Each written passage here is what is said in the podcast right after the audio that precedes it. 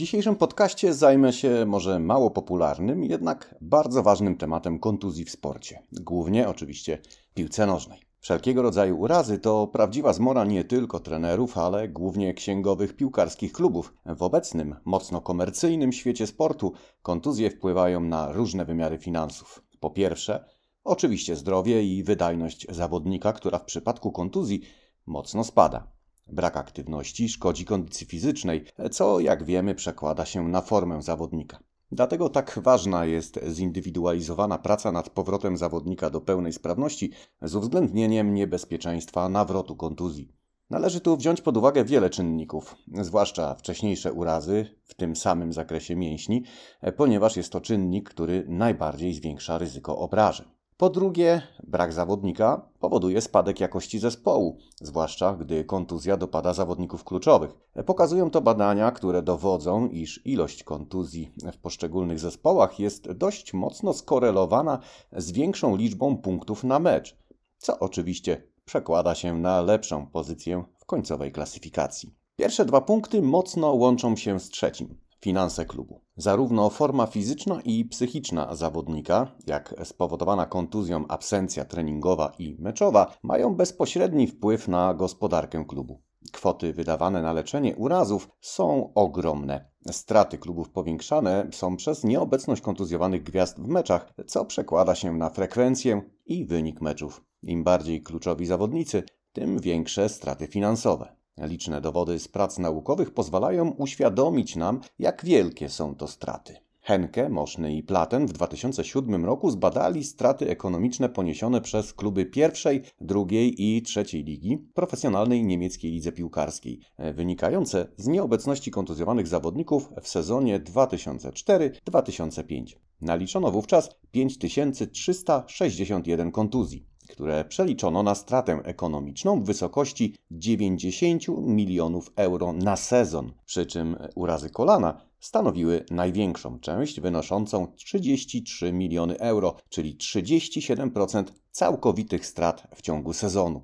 Ciekawe badanie przeprowadzono w 2020 roku na klubach Premier League. Postanowiono w nim obliczyć straty klubów wynikające z nieosiągnięcia celów z powodów kontuzji.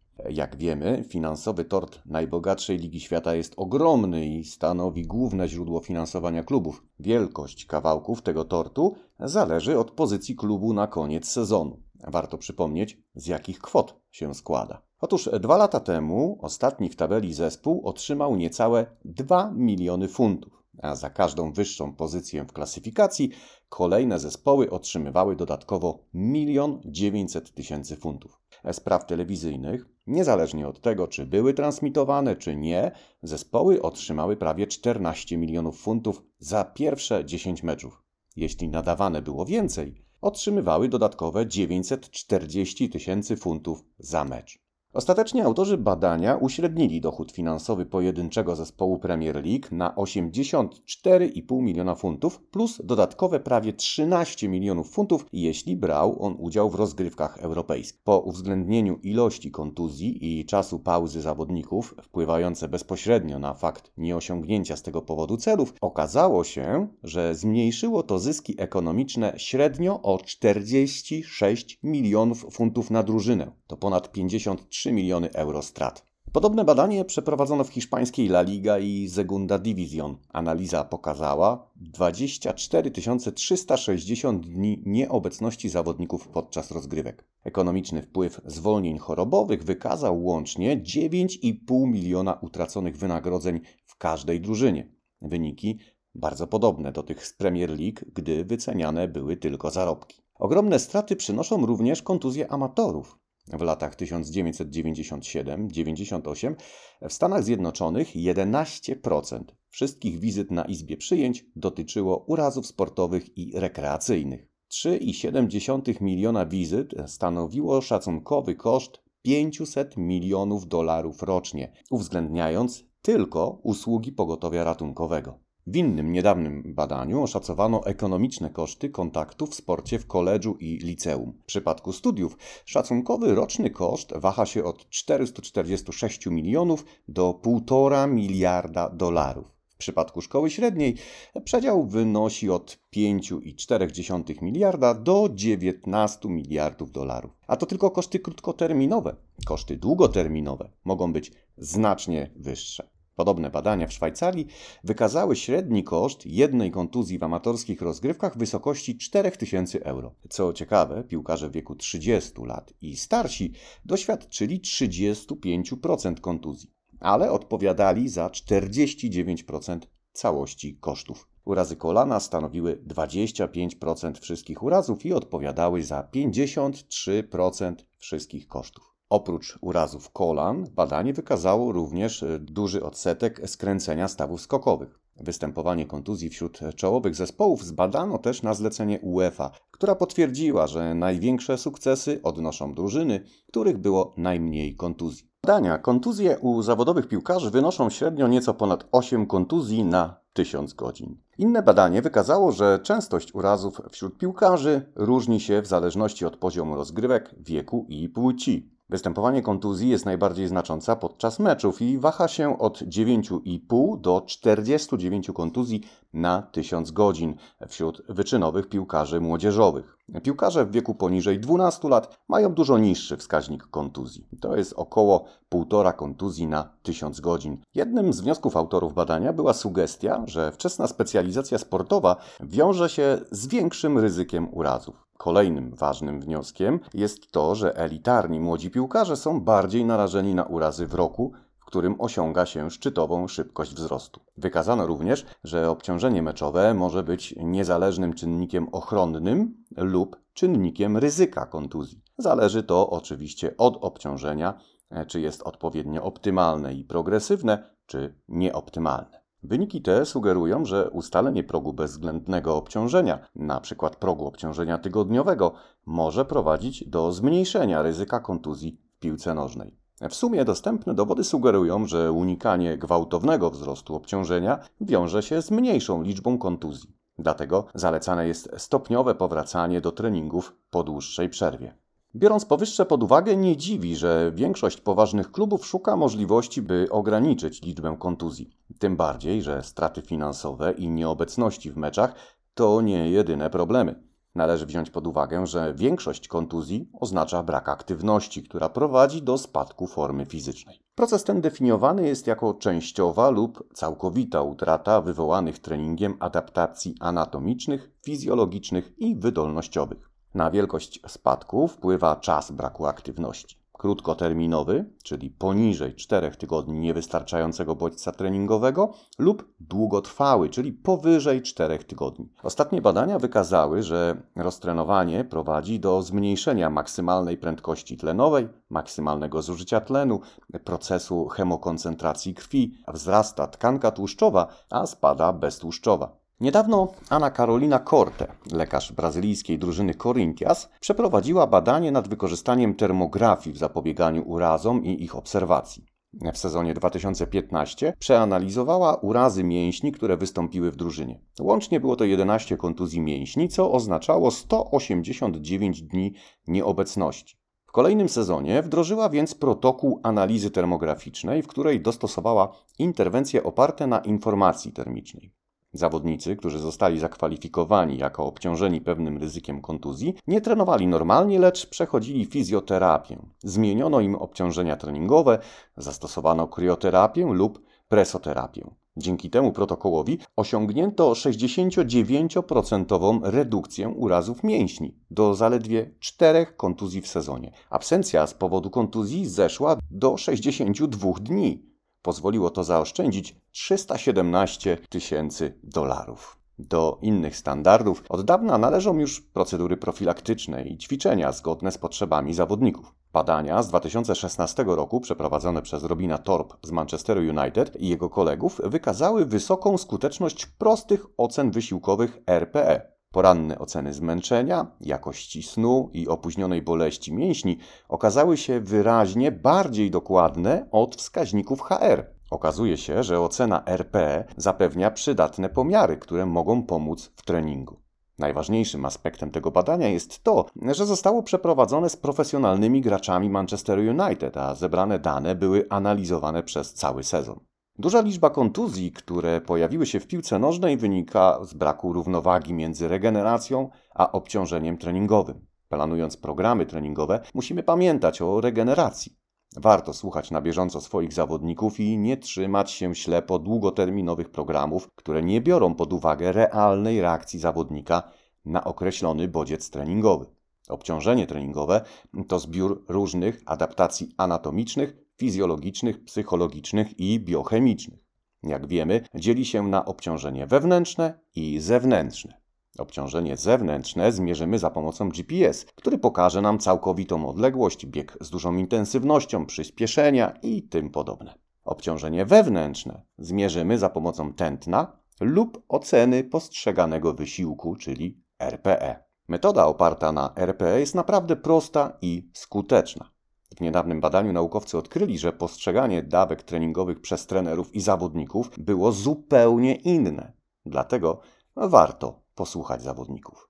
Jak wspominałem wcześniej, ostatnie badania wskazują, że częstość urazów w okresie dojrzewania wzrasta wraz z wiekiem i wykazuje zmienność sezonową, osiągając szczyt we wrześniu i styczniu, czyli po okresie wolnym od treningów. Każdy zawodnik doznaje średnio prawie półtorej kontuzji i traci około 22 dni w sezonie, przy czym liczba ta jest największa w grupach wiekowych U14 i U15. Przyspieszenie wzrostu w okresie dorastania zbiega się ze zmianami sztywności stawów, gęstości kości i brakiem równowagi pomiędzy siłą a elastycznością, co przyczynia się do tzw. Tak łamliwości szkieletu. W tym wrażliwym okresie chłopcy mogą rosnąć od 7 do nawet 12 cm rocznie. Nastolatkowie, którzy urośli powyżej 6 mm w jednym miesiącu, powiązani są z prawie dwukrotnym wzrostem ryzyka kontuzji. Ta zmiana w strukturze mięśniowo-szkieletowej prawdopodobnie odpowiada za podatność na urazy. Biorąc to pod uwagę, zalecane są pomiary antropometryczne młodych zawodników minimum co 3-4 miesiące, ze szczególnym uwzględnieniem zawodników zbliżających się do PHW, czyli szczytowej szybkości wzrostu. Odpowiednie reagowanie w tej fazie i dostosowywanie obciążeń może pozwolić uniknąć ciężkich kontuzji, które będą miały wpływ na przyszłość młodego zawodnika. Kolejnym problemem urazowości jest gwałtowny spadek formy fizycznej spowodowany przerwą w treningu. Aby zminimalizować ten spadek, opracowano i opisano w literaturze naukowej wiele programów rehabilitacyjnych. Programy te mają na celu ułatwienie stopniowego przejścia z braku aktywności do powrotu do pełni formy. Opierają się one na zindywidualizowanych i pozbawionych kontekstu zadaniach treningowych, a kontuzjowani zawodnicy zaczynają brać udział w regularnych treningach dopiero w ostatnich fazach programów. Wykazano jednak, że same treningi nie są wystarczające do pełnego powrotu do formy. Konieczne są mecze sparingowe lub ligowe drugiego zespołu. Generalnie badania dotyczące okresu dochodzenia do pełnej sprawności fizycznej wykazały znaczne zmniejszenie dystansów i prędkości biegu w pierwszych meczach po niewielkich kontuzjach. Stwierdzono też spadek prędkości maksymalnej po umiarkowanych i poważnych urazach. Tymczasem zawodnicy, którzy doznali poważnych kontuzji, pokonywali znacznie większe dystanse podczas intensywnego i szybkiego biegu. Może to być związane z faktem, że zawodnicy po cięższych kontuzjach poświęcili więcej czasu na trenowanie biegania z dużą prędkością, a także większą kontrolę obciążenia i zmęczenia podczas programu rehabilitacyjnego. Natomiast zawodnicy, którzy doznali drobnych kontuzji, dołączyli do zespołu przed całkowitym wyzdrowieniem, co miało wpływ na ich wyniki w meczu. Znaczenie maksymalnej prędkości zaobserwowane w badaniu może sugerować, że piłkarze, którzy doznali umiarkowanych i poważnych kontuzji, nie byli tak sprawni fizycznie jak przed kontuzjami, mimo powrotu do treningów z zespołem. Potrzebowali więc kilku meczów, aby odzyskać swój poprzedni poziom. Stąd wniosek, by podczas rehabilitacji wdrożyć ćwiczenia poprawy maksymalnego poziomu prędkości oraz mecze sparingowe lub drugiej drużyny. Autorzy badania sugerują, aby piłkarze, którzy odnieśli drobne kontuzje, bez pośpiechu wracali do treningu, by uniknąć ryzyka nowych lub odnawiających się kontuzji. Konieczne wydaje się też zmodyfikowanie programów rehabilitacyjnych w celu odtworzenia wymagań rywalizacji boiskowej. Mając sporo danych dotyczących częstości i rodzaju kontuzji, mocno rozwinięto badania nad profilaktyką urazów. Jednym z najczęściej występujących w piłce nożnej jest uraz ścięgien podkolanowych. Jednym z pierwszych środków zapobiegawczych proponowanych dla tej grupy mięśniowej było zastosowanie treningu ekscentrycznego w taki sposób, aby wywołać efekt ochronny przed tymi samymi ruchami, które są uznawane za potencjalnie ryzykowne. Grupa norweskich naukowców jako skuteczną strategię prewencyjną opracowała zastosowanie treningu ekscentrycznego z małym obciążeniem i małą objętością. Ich praca jest jedną z najczęściej cytowanych w całej literaturze. Zaproponowany w niej stopniowy, progresywny program treningowy z ćwiczeniem Nordic Curl przez 10 tygodni, zaczynając od tylko dwóch serii z pięcioma powtórzeniami w pierwszym tygodniu, przechodząc do trzech bodźców tygodniowych po 3 razy 12, 10 i 8 powtórzeń od piątego tygodnia i tak dalej. W rezultacie osiągnięto 57% redukcję kontuzji ścięgien podkolanowych w porównaniu z zespołami, które nie stosowały tego ćwiczenia. Niedawno Brugeli i Kronin zaproponowali stopniowe stosowanie treningu ekscentrycznego z różnymi ćwiczeniami ukierunkowanymi na cele profilaktyczne ścięgien podkolanowych. Zestaw czterech ćwiczeń bardziej kompleksowo wpływa na różne mięśnie, z których składają się ścięgna podkolanowe. Planując ćwiczenia prewencyjne, musimy pamiętać, że powtarzające się ruchy ekscentryczne, takie jak ruchy sprinterskie, występujące u osób niedostosowanych do tego typu działań, przemęczonych czy z deficytami wynikającymi z wcześniejszych kontuzji, mogą powodować uszkodzenie mięśnia. Wiedząc, że zmęczenie zwiększa czynniki ryzyka, przeciwdziałanie zmęczeniu będzie działać jako środki wzmacniające prewencję. Jednym ze środków, o których warto wspomnieć, są kąpiele w zimnej wodzie, stosowane po treningach powodujących adaptacyjne uszkodzenie mięśni. Duży wpływ na urazowość ścięgien podkolanowych ma też stabilność odcinka lędźwiowo-miedniczno-biodrowego. Warto o tym pamiętać i plan profilaktyki traktować kompleksowo w sposób, który nie tylko stymuluje ścięgna podkolanowe, ale także integruje je z łańcuchem ruchu i ze stabilizującą synergią core. Innymi słowy, jeśli nasi sportowcy są dobrze przyzwyczajeni do wielu ruchów, które mimo środowo obciążają ścięgno podkolanowe podczas gry, z pewnością będą lepiej przygotowani do wytrzymania tego stresu i zmniejszenia wpływu nieplanowanych ruchów. Obok ścięgien podkolanowych największym przekleństwem ostatnich lat są urazy ACL, których większość powstaje w wyniku przeciążenia kolana, gdzie stopa jest mocno osadzona na ziemi. Jak wykazują badania, mechanizmy bezkontaktowe stanowią aż 70% tych urazów. Badanie Olsena z 2003 roku wykazało, że boiska o wysokim współczynniku tarcia mogą działać jako ważny czynnik zewnętrzny zwiększający ryzyko urazów ACL. Biorąc pod uwagę innymi te wnioski, FIFA zleciła serię badań biomechanicznych dla piłki nożnej, w których podjęto próbę ustalenia, czy sztuczna murawa zwiększa ryzyko kontuzji. Okazało się, że w przypadku pierwszych generacji sztucznych boisk tak. Uwzględniając wyniki tego badania, FIFA, międzynarodowy organ zarządzający piłką nożną, wydał listę specyfikacji technicznych dla boisk ze sztuczną murawą. Biorąc pod uwagę częstotliwość urazów ACL w wielu sportach, MKOL zaprosił grupę lekarzy i naukowców specjalizujących się w kontuzjach kolan w celu innymi stworzenia programu profilaktycznego. Grupa doszła do wniosku, że dobrze zaprojektowane programy zapobiegania urazom mogą zmniejszyć ryzyko urazów ACL. Programy te mają na celu zmianę dynamicznego obciążenia stawu piszczelowo-udowego poprzez trening wzorców nerwowo-mięśniowych i optymalną propriocepcję lub przynajmniej korekcję wad. Podkreślono, że prawidłowe lądowanie i amortyzacja poskoku, a także techniki zmiany kierunku są kluczowymi aspektami w rozwoju tych programów. Obejmuje to płynne lądowanie z odsuniętą przednią i tylną częścią stopy do tyłu, zaangażowanie zgięcia kolan i bioder tam, gdzie to możliwe, lądowanie na obu stopach, a wszystko to bez nadmiernej, dynamicznej koślawości w kolanie. Jak widać, profilaktyka urazów jest ciągle poddawana badaniom. Istnieje wiele programów profilaktycznych, których skuteczność jest potwierdzona przez statystyki. W piłce nożnej wielokrotnie sprawdzano skuteczność programu FIFA 11. Część badań wykazuje nawet 4-5-krotny spadek kontuzji w grupie stosującej ten program. Dlatego aktualnie obowiązkiem jest prowadzenie do treningu na każdym szczeblu programu prewencyjnego.